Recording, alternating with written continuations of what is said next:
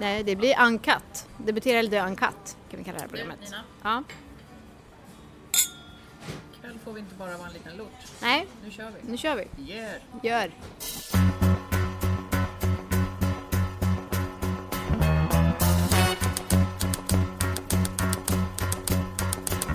Den här podden handlar om vår kamp att romandebutera. Om allt det där som är före det glammiga. Allt slit. Ångesten. Hur vi kämpar vidare genom regnet och refuser och fortsätter redigera, trots blodsmak i munnen.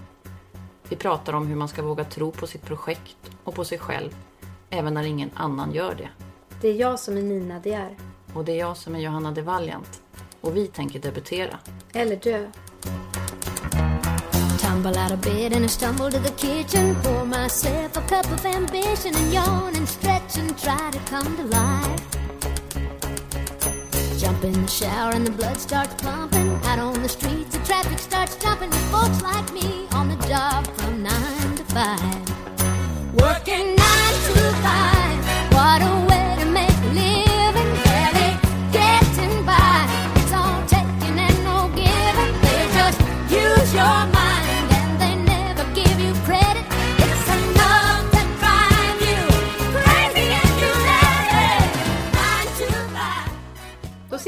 Igen. Måndag morgon. Hur var trion? Jo, trion var behövlig. Fick du vanlig eller citron? Det var naturell va? Ja, metall, tror jag. Metall. Mm. Ja, men du ser lite dagen efter ut. Ja, det är väl ungefär så det känns faktiskt. Mm. Ja, men jag är inte heller helt... Uh, Fräsch i kolan. Nej, vi har gjort mycket. Du har ju sprungit maraton kan vi säga först. Mm. Vilket inte är det smartaste draget när man jobbar som en idiot med konstiga arbetstider och är väldigt trött på ett plan. Då tar man och springer ett maraton så att man blir trött även på alla plan.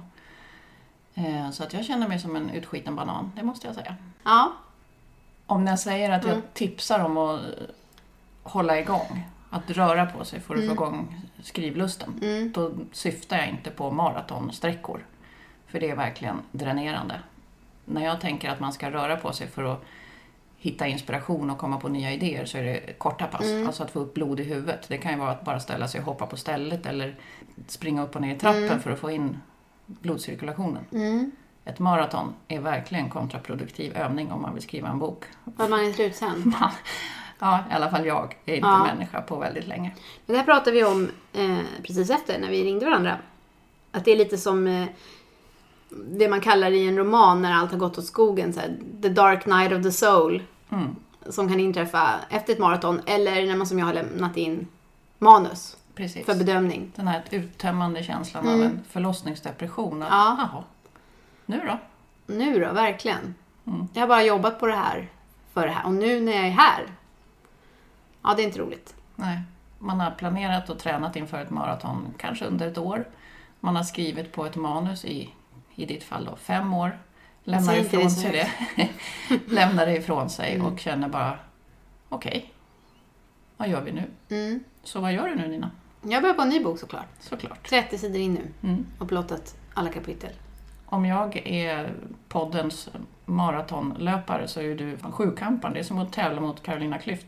Hur jag än gör så har du liksom någon ny boll i luften som du bara singlar iväg. Nej, men det vet jag inte. Men det är väl lite det här att lägga upp sina risker. Eller chanser. Det beror på hur man ser det. chanser. Ja, att eh, om jag nu eh, börjar på en ny bok, som jag kanske börjar gilla lite, så kommer det inte kännas lika hårt om jag blir så här stenhårt refuserad på det här manuset. Att jag har något nytt på gång. För det är ju ändå, man skriver ju för att man älskar bara att sätta ett ord efter ett annat. Mm. Och då måste jag bara hitta ett nytt projekt jag kan älska.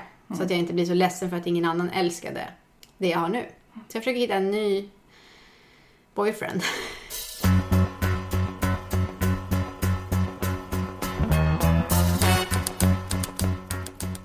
Idag har vi sånt eh, mastigt tema, så vi kan inte sammanfatta det så kort. Men ska jag säga det, jag har skrivit lite stödord här. Shoot! För jag tycker Hur det många handlar om- punkter är det Ja, men det handlar ju om slumpen. Det här med att vara på rätt plats vid rätt tillfälle. Och hur sällan det blir så. Ofta är det liksom tvärtom. Mm, vi man önskar att man var någon annanstans. Ja, vi har provat lite olika strategier och metoder. Eh, också det här med att hitta en ficka i tiden på något sätt där ens projekt platsar. Och det går in i att hitta någon som tycker man är värdefull. Gör man det, är vår tes, då kan man få en liksom, kullerbytta framåt. Mer energi att fortsätta. Och hur man hamnar i de här situationerna kan ju påverkas av tankens kraft. Det kommer vi prata lite om. Jag har hört flera intervjuer med Jim Carrey som eh, numera är sån här mindfulness-förespråkare. och pratar om eh, att vara i nuet och sånt där med olika Mm. Det, är Coachsammanhang. in, det är inne i Hollywood. Ja, det är jätteinne. Men ehm, han berättade i alla fall kring det här med eh, attraktionslagen att långt innan han hade fått dra sitt första skämt på TV så åkte han ner till Venice Boulevard och bara satt och kollade på de här billboardsen som höjer sig mot eh, himlen och såg sitt eget namn på dem. Och då frågade jag, jag vet inte om det var någon så här Oprah eller någon som frågade så här, men såg du det verkligen? Eller var det mer att du tänkte att du ville byta ut ja, mot ditt namn, det som stod där. Nej, jag såg det. Jag såg det verkligen. Jag läste Jim Carrey på alla de där billboardsen och jag gjorde det liksom gång på gång på gång på gång. Så jag var, jag var hela tiden, jag satte mig själv i en övertygelse om att jag redan var där. Mm. I sportsammanhang så är det ju så här hela tiden att man visualiserar sig själv överst på pallen Ja, och sen så händer det. ja. Det som redan har hänt. Så det är bara en, en repeat. Liksom, Ja. av, Det är som när man ser så höjdhoppare när de står och innan gör några så här små, små steg med händerna. Så här, hur de ska göra hela hoppet och komma över. Mm. Ja, men så där gör jag hela tiden när jag tänker mig själv som författare. Moroten, du vet, att vilja få vara en, en, en sån som du är. I know.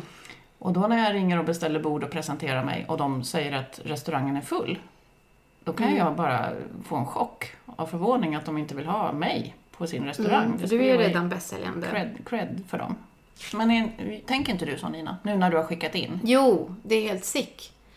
I lördags morse när jag slår på telefonen så har jag så här fyra missade samtal från något internationellt nummer.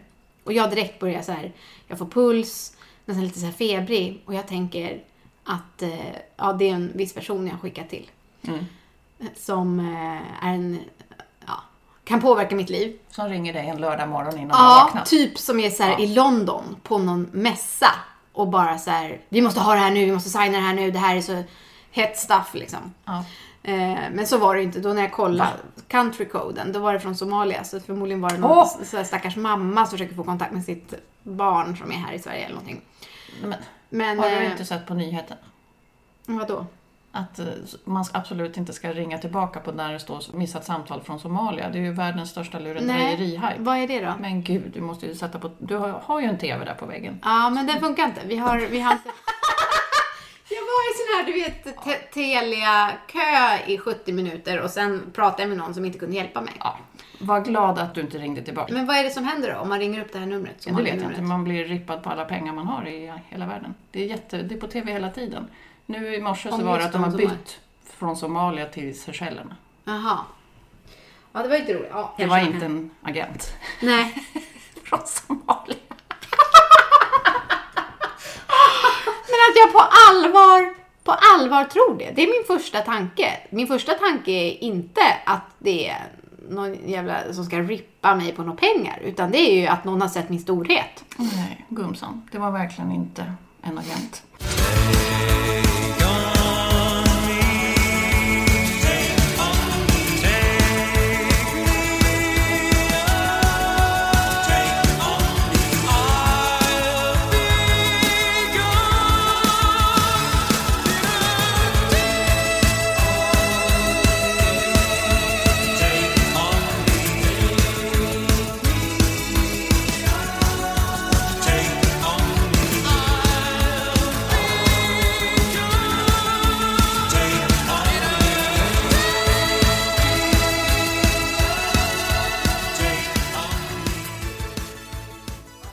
Apropå att vara på rätt plats vid rätt tillfälle så serverade jag på en av de stora förläggarnas födelsedagsfester här i veckan. Och jag står klädd i sån här vit kavaj med guldflätade axlar och guldknappar och handservett. Det var en väldigt fin tillställning. Ja. Och jag står där som i Downton Abbey, du vet, med tom blick och ska Ja. låtsas att jag hör eller ser eller varken. Och Sover i någon liten skrubb så här, under deras... sova palats. var ju inte direkt det jag skulle göra. Jag skulle inte finnas, utan man är Mm. som en marmorstaty. Fast mitt författar-jag är ju verkligen vaket kan jag säga. Jag tar Mm. in allt. Och så när jag då ska ställa ner chokladmoussen till den här huvudpersonen så vill jag bara sticka ner mitt visitkort i chokladmoussen och säga Hallå, ta in mig, se mig. Mm, men det gjorde du inte eller? Jag höll mig. Eh, Jag fick ett visitkort. Faktiskt. Det är betydligt bättre. Ja, men det var också sådär... Nu kommer du bara vilja skjuta mig i huvudet. För det var sådär, du vet när man bara blowar chansen verkligen. Mm. Jag var på vernissage. Sånt där är härligt med sherryglas och snittar. Ja, det var det säkert för de andra, men jag jagade bara efter mina barn och var livrädd för att vet, så här, man ska höra så här äh, klirret av kristallglas mot marmorgolvet. Ja. Mina barn, jag ser hur de bara springer förbi så att det yr av så här organzaklänningar i, genom de här salarna. Då blev jag i alla fall så här, grabbad i armen av en anhörig jag känner som sa Det här är en jättebra författare. Presentera mig så till en av Sveriges största eh, förläggare. Oj. Så ser mig i ögonen och säger Åh, vad spännande. Vad handlar din bok om? Och jag bara... Det var som att jag hade en alien i halsen som bara... Jag vet inte vad jag sa. Jag, jag kan ha sagt någonting om identitet ungefär. Mm. Det är som frågesport i direktsändning. Ja, Hela hjärnan koagulerar. ja och så jag vet inte vad jag sa. Men jag, hon sa, jag vill läsa. Så fick jag ett visitkort som jag så här med en svettig hand la i fickan. Och sen var stunden över och jag sprang efter mina barn. Och det, någon, någon bricka rasade i golvet. Och sen satt jag vid ett barnbord. Back to reality. Ja.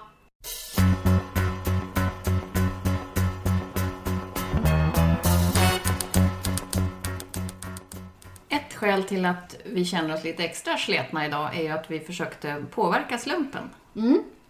Vi har ju varit på författarmingel i helgen. Ja. Vi kan väl lyssna på hur vi kände innan vi gick på fest. Nu ska Dina och jag på mingelparty. Två wannabes.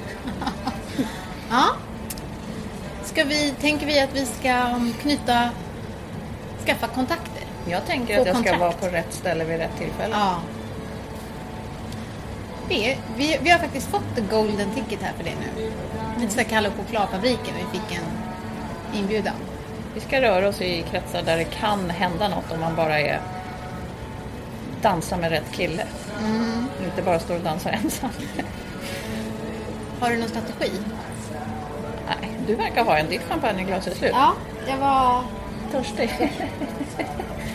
ja, men skål då Nina.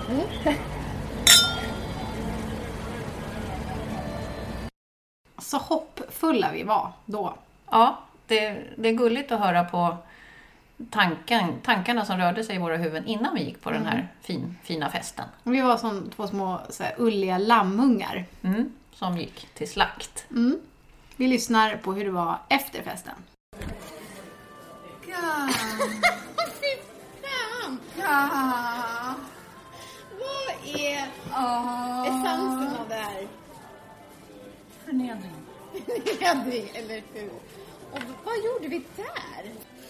Jag är i chock. Ja. Nej men det var verkligen värre än vad vi trodde, eller hur? Det var så något så introspektivt. förnedrande. Varför var vi där? Förutom att suga kuk. Vi är på McDonalds. Nu sitter vi på Säger efterfest på Ja. McDonalds. Som två 20-åringar. Ja, hela kvällen har varit som två 20-åringar. Ja. Från fördring De som var där var ju 20. till förnedringsstadiet Det till efterfest. Groupies. Där går min gräns. Ja. Nej, det var... Jag vet inte riktigt vad syftet var ens för parten i målet. Alltså jag känner mig som tjackhoret. Ja, tjackbord. Hur? Jag vet inte hur jag ska få bort pungsvetten i fejset. Det är hårstrån i mun. Fy fasen. Jag ska aldrig ha sexslavar på party. För det var det vi var. Var det någonting, kan du se någon så här plus med den här kvällen? Jag vet vad jag inte vill göra. Ja. Jag vill inte ha hybris. Jag vill inte bli äcklig. Nej, äcklig, eller hur? Äcklig, det var verkligen ordet. Alltså det där gick ju inte riktigt som vi hade tänkt oss. Nej. Alltså jag får såna här minnesbilder som när jag var 11 och stod utanför Sheraton Hotel och skrek efter New Kids on the Block. Men att det här var planerat, att vi var inbjudna för att vi skulle vara den här, de här 11-åringarna som stod och skrek. Det var inte ens någon slags kommunikation eller något slags mingel. Det var bara konstigt. Om jag lyssnar medan du pratar, inte talar om mig själv. Om jag säger du är vacker, men att det spelar ingen roll. För skönhet finns inom oss. Om jag ljuger om sånt där. Om jag säger det går bra, nej, men inte talar om mitt jobb. Om jag ger dig mina tårar, men är stark när du är svag. Spelar Sweet Home Alabama på själv, men aldrig är för självgod. Och jag är alfaman i sängen, men aldrig bråkar. Vill du ligga med mig då? Om sanningen ska fram. Vill du ligga med mig då? Vill du ligga med mig? Vill du ligga med mig då? Om sanningen ska fram. Om jag inte är så svartsjuk, inte håller dig så hårt. Om jag inte är så macho, men försvarar dig ändå. Om jag ljuger om min barndom, säger att den varit små svår. Väcker morden i ditt hjärta, leker mamma, pappa. Vill du ligga med mig då? Om sanningen ska fram. Vill du ligga med mig då? Vill du ligga med mig? Vill du ligga med mig då? Om sanningen ska fram.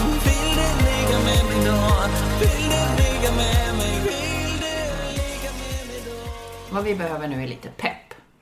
Nu måste vi hitta några som tycker vi är värdefulla. Vi måste gräva djupare i det här med hur man hittar dem som gillar ens projekt. Mm. Mingelparty var ett sätt. Gick sådär. Ja. Jag kom att tänka på en författarvän faktiskt. Henrik Wennersund, som bor i Mönsterås. Han lyckades med konsten att få två rikskändisar att tycka att han var värdefull.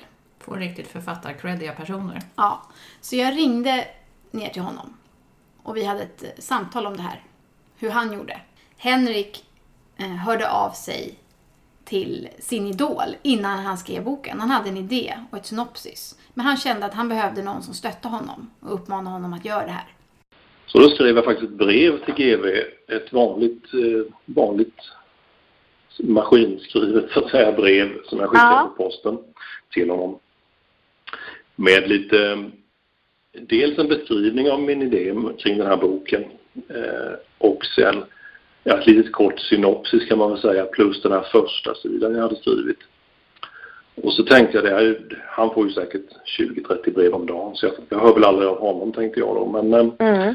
efter två, tre veckor fick jag faktiskt ett, ett mejl ifrån honom där han skrev att eh, det var lite provocerande sådär. Han skrev att jo men det, du kan ju inte bara strunta i det här, du måste ju skriva boken liksom. Ja, kör nu och sådär. Och Ja. då tänkte jag det att då har jag nog kanske ändå en idé som är lite gångbar då.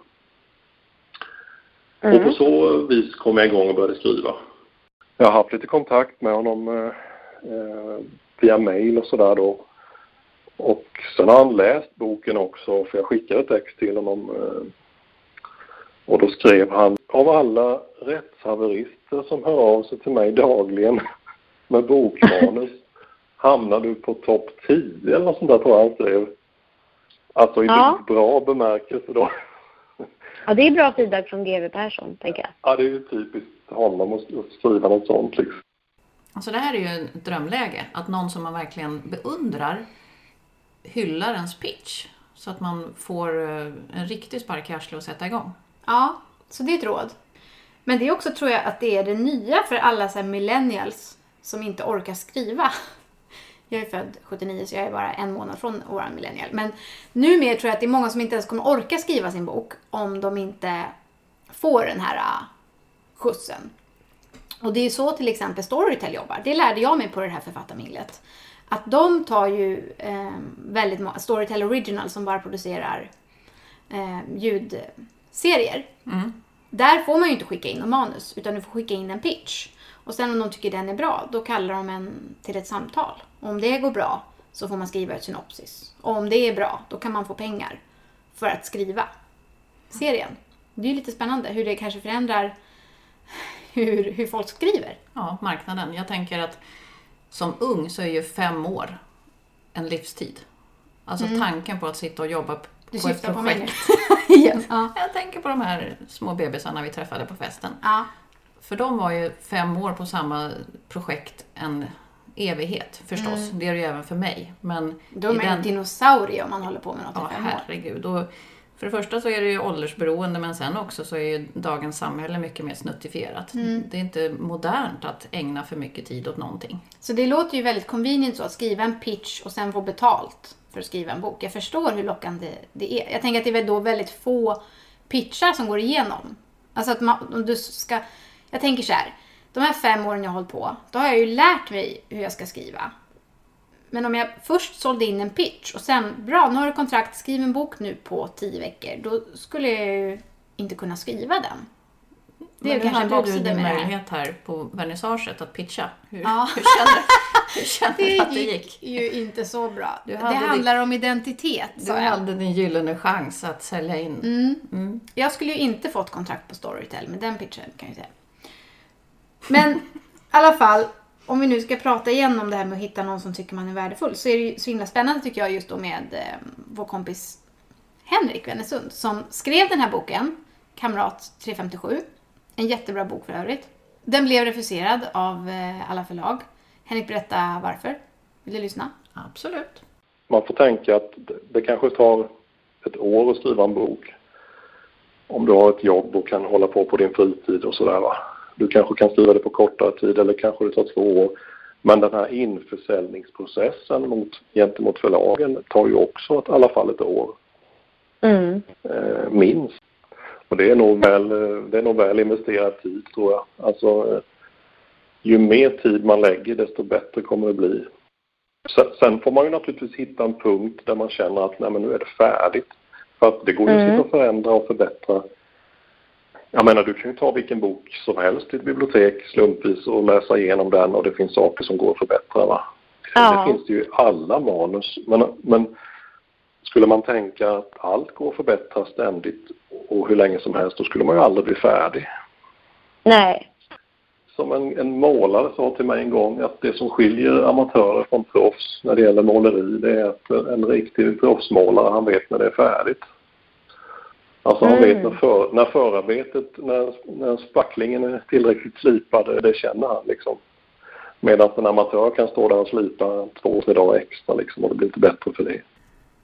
Ja, det är den här avvägningen. Att inte ha för bråttom. Mm. Att ge det mera tid och att orka med true grit göra om och göra om och göra om.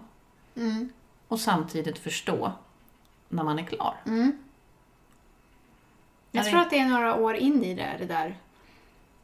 Att veta när man är klar. Man tror att man är klar, man tror att man är klar, man tror att man är klar. Men det är inte förrän så här, tre år senare som man verkligen på riktigt är klar. Mm.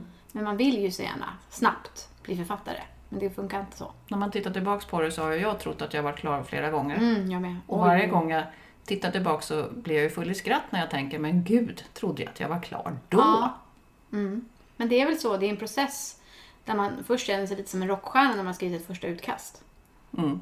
För då ser man inte alla problem. Man bara, jag skrev en bok! Liksom det är i sig en sån prestation som man inte trodde var möjlig. Vilket det är. Så För det, känn dig de glad. flesta manus blir ju aldrig klara. Nej. Det är problem ett. Mm. Problem två, det är hur man ska bearbeta det här uh, shitty first draft, som man säger. Hur många bananer behövs det för att orka? Mm. Får jag fråga, har du någon Tabita King i ditt liv? Nej, det har jag inte. Eh, och det är av lite olika anledningar. Jag tror, att, jag tror inte riktigt på, det beror på vad man har för relation med folk i sin omgivning. Men jag tror det är väldigt svårt att få ärlig och bra och användbar feedback av folk man känner.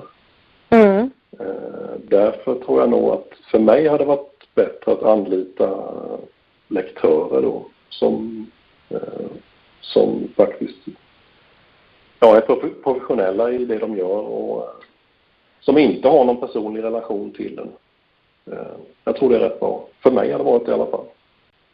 Den största lärdomen från det här eh, egentligen är väl att man måste ha betydligt mer tålamod i det här skedet när man så att säga försöker bli färdig med manuset. Och Mm. framförallt ta hjälp av lektörer som finns som är duktiga som kan det här. Va?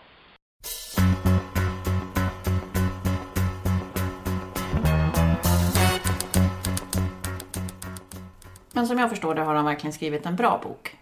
Men är inte hans story även ett exempel på slumpen? Jo, verkligen ett exempel på att hans bok befann sig på rätt plats vid rätt tillfälle. När Palme-entusiasten och privatspanaren Lena Andersson vandrar in på en bokhandel i Visby. Ja. Där Kamrat 357, då, Henriks bok, eh, finns till salu. Och bokhandlaren råkar veta att hon älskar Palme. Och kommer med, fram med den här. Den här kanske är något för dig Lena. Such a coincidence. Kom- kom ett mejl från den här bokhandlaren i Visby och där han skrev att eh, imorgon är det med en krönika i DN av Lena Andersson som handlar om din bok. Oj, så han visste det man- före dig? Den här bokhandlaren? Bokhandlaren visste ju om det innan jag visste om det. Så att, och då var det ju som en chock liksom. Det jag tyckte var så inspirerande med eh, Henrik och hur han har jobbat. Det är att han har så här, på, på alla olika faser av sitt projekt ändå sträckt ut en hand. Och inte bara suttit ensam på sin kammare och jobbat, det gör man ju mycket också. Men det här att han vågar mejla någon som kan mycket om eh, Palmemordet till exempel. Och ja, söka kontakt hos folk. Det här med att hitta någon som tycker man är värdefull. Det gjorde han tidigt i sin process. Och då fick han energi av det. Och liksom körde på. Och sen, eh, nej, inget förlag var på, men då gav han ut boken och sen så var den så bra och genomarbetad, för att han la ändå mycket tid på den, så att Lena Andersson plockar upp den och skriver en krönika om den. Och nu har hon skrivit förordet till eh, den nya upplagan. Och bara en timme efter den här intervjun så hörde ju Henrik av sig till mig igen och sa ja, nu har jag kontrakt med Modernista. Ja, det här är ju ett typiskt bevis på att man aldrig vet när man är på rätt plats vid rätt tillfälle. Nej. Det gäller bara att vara lite överallt. Det gäller att hålla sig i rörelse. Mm. Det finns rätt- många vägar till eh, bokkontraktet. Ja, jäkligt fränt. Du verkligen enastående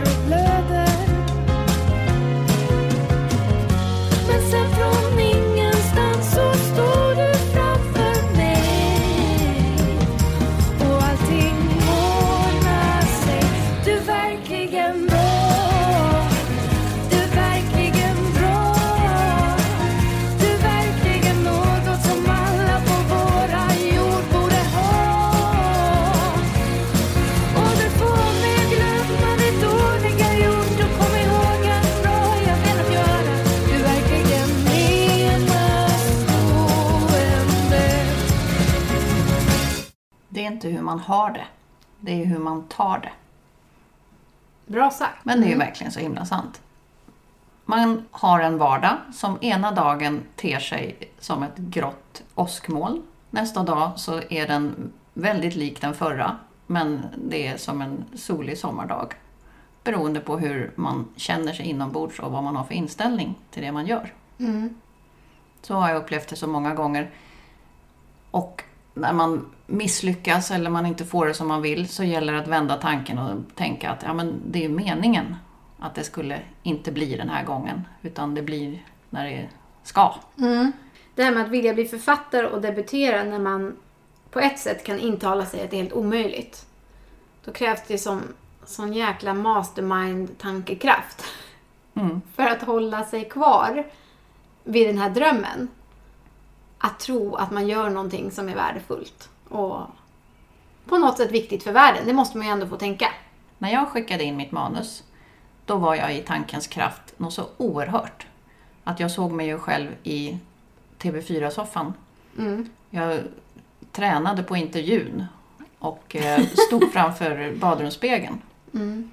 Och funderade på vilken, vilka kläder jag skulle ha på mig. Jag var så i min framgång att när jag fick ett refuseringsbrev så var det som att någon tog min oskuld och jag blev helt paff hur det var möjligt. För att jag var i Mm.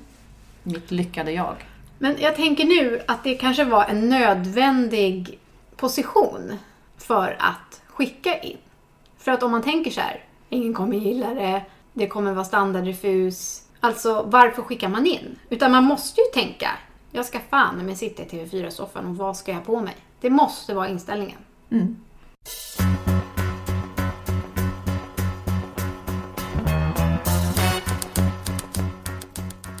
Jag tror ju inte att mina chanser att vara, bli författare är större nu när vi sitter här på efterfest med varsin cheeseburgare Nej, än det var vid halv åtta-tiden. nej man kan säga att eh, det är status quo här på McDonalds.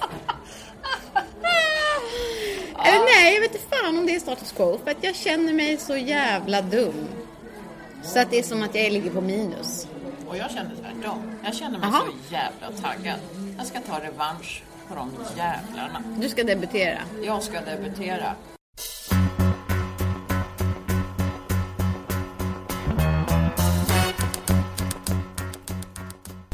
För är det något vi är överens om så är det ju att vi tror på attraktionslagen, både du och jag. Ja. Man måste väl tänka att man kan attrahera någon om man vill bli författare. Måste ju attrahera någon läsare. Det är det här med synkronicitet, vilket är meningsfulla sammanträffanden som kan ses som slumpen, men som faktiskt vetenskapligt idag har bevisats att det funkar. Och att eh, det finns ett undermedvetet samband, att det inte bara är flum-flum. Nej.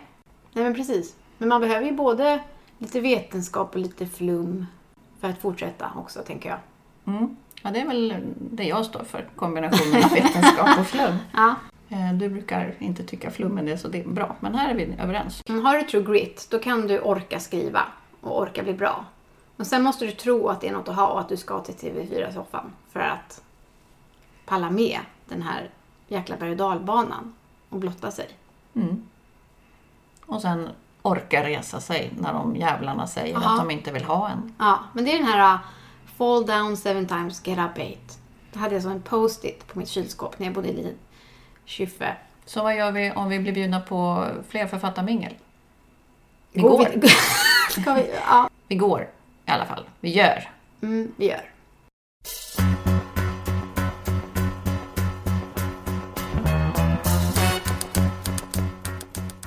Nu behöver jag en Treo. då, är det, då är det dags att av- avrunda för dagen. Ja. Och berätta att vi nästa gång ska prata kärlek och romantik. Ja, vi tänkte att det passar bra kring ångesthögtiden midsommar att gräla i romantikspåret. Mm. Det är inte alltid en dans på rosor kan man säga. Nej, nej men precis. Så vi kommer titta lite Bakslag. på, på, på olika vinklar av kärlekens Mm. Häng på vår hashtag debutera eller dö om ni också vill bli författare och kämpa på med era manus. Kul om vi blir fler. Fler som vill kräla i leran och Ja. kämpa för våra mål och hoppas på att turen ska vara på vår sida nästa gång. Ja, precis. Vi har också en Facebook-sida, debutera eller dö, som man kan lajka om man vill få lite mer random pepp. Där lägger vi upp Och så info. kan ni gå in på våra Instagramkonton. Jag heter Johanna de Valiant i ett ord. Jag heter Nina. Och där kommer ni också se vad vi gör i sommar när vi försöker fortsätter försöka bli författare på lite olika sätt. Känner inte trygga på författarmingel framöver. Nej. Vi kan vara där. Känner er jävligt osäkra. Mm. Redigera som om det gällde livet. Så hörs vi snart igen. Hej då! Tjing tjing! If you change your mind, I'm the first in line. Honey, I'm still free. Take a chance on me. If you need me, let me know. Gonna be around. If you got no place to go,